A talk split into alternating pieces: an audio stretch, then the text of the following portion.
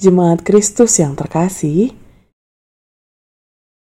renungan untuk kita pada malam hari ini berjudul Melampaui Dunia.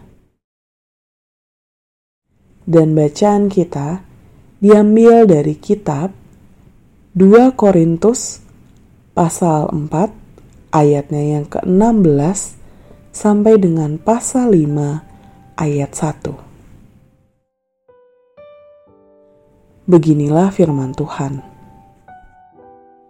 Sebab itu, kami tidak tawar hati, tetapi meskipun manusia lahiriah kami semakin merosot, namun manusia batiniah kami dibaharui dari sehari ke sehari.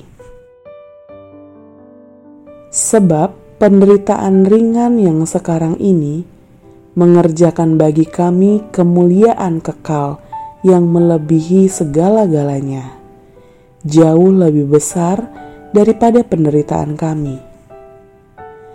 Sebab kami tidak memperhatikan yang kelihatan, melainkan yang tak kelihatan. Karena yang kelihatan adalah sementara, sedangkan yang tak kelihatan adalah kekal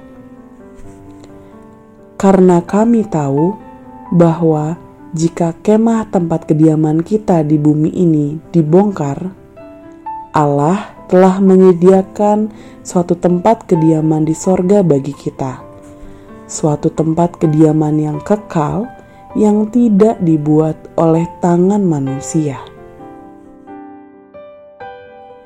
Hidup di dunia saat ini memang memberikan banyak pilihan yang dapat membuat kita lupa akan Allah. Banyaknya kenikmatan yang dapat kita raih, pada akhirnya membuat kita menjadi orang yang sangat bergantung pada apa yang kita miliki saat ini, baik dalam wujud pekerjaan, kekayaan, jabatan, atau status sosial, bukan lagi bergantung kepada Allah.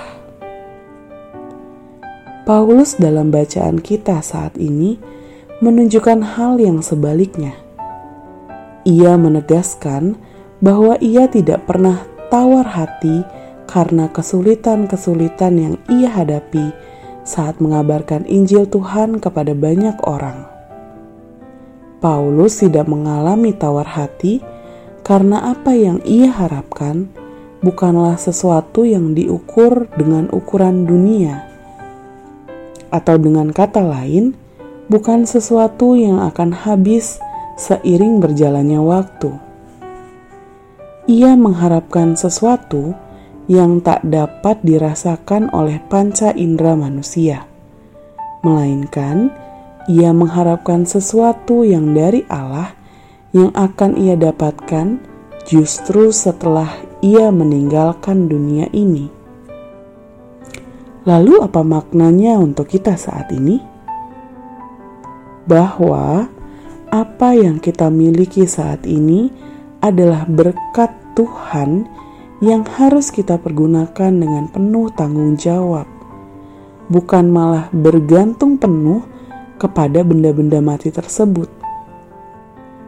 Sebaliknya, bila kita sedang dalam pergumulan dan mengalami kesulitan, jangan sekali-kali tawar hati dan kehilangan harapan dalam Allah. Ada sesuatu yang lebih besar yang sudah dipersiapkan Allah untuk diri kita, yaitu hidup kekal bersamanya. Keselamatan yang sudah kita dapatkan karena kasih karunia Allah kepada kita. Jangan takut, tetaplah berjuang Jangan tawar hati, karena Allah ada dan menolong kita. Demikianlah renungan malam hari ini. Semoga damai sejahtera dari Tuhan Yesus Kristus tetap memenuhi hati dan pikiran kita. Amin. Jemaat yang terkasih, mari kita bersatu hati menaikkan pokok-pokok doa yang ada dalam gerakan doa 21 GKI Sarwa Indah. Mari kita berdoa.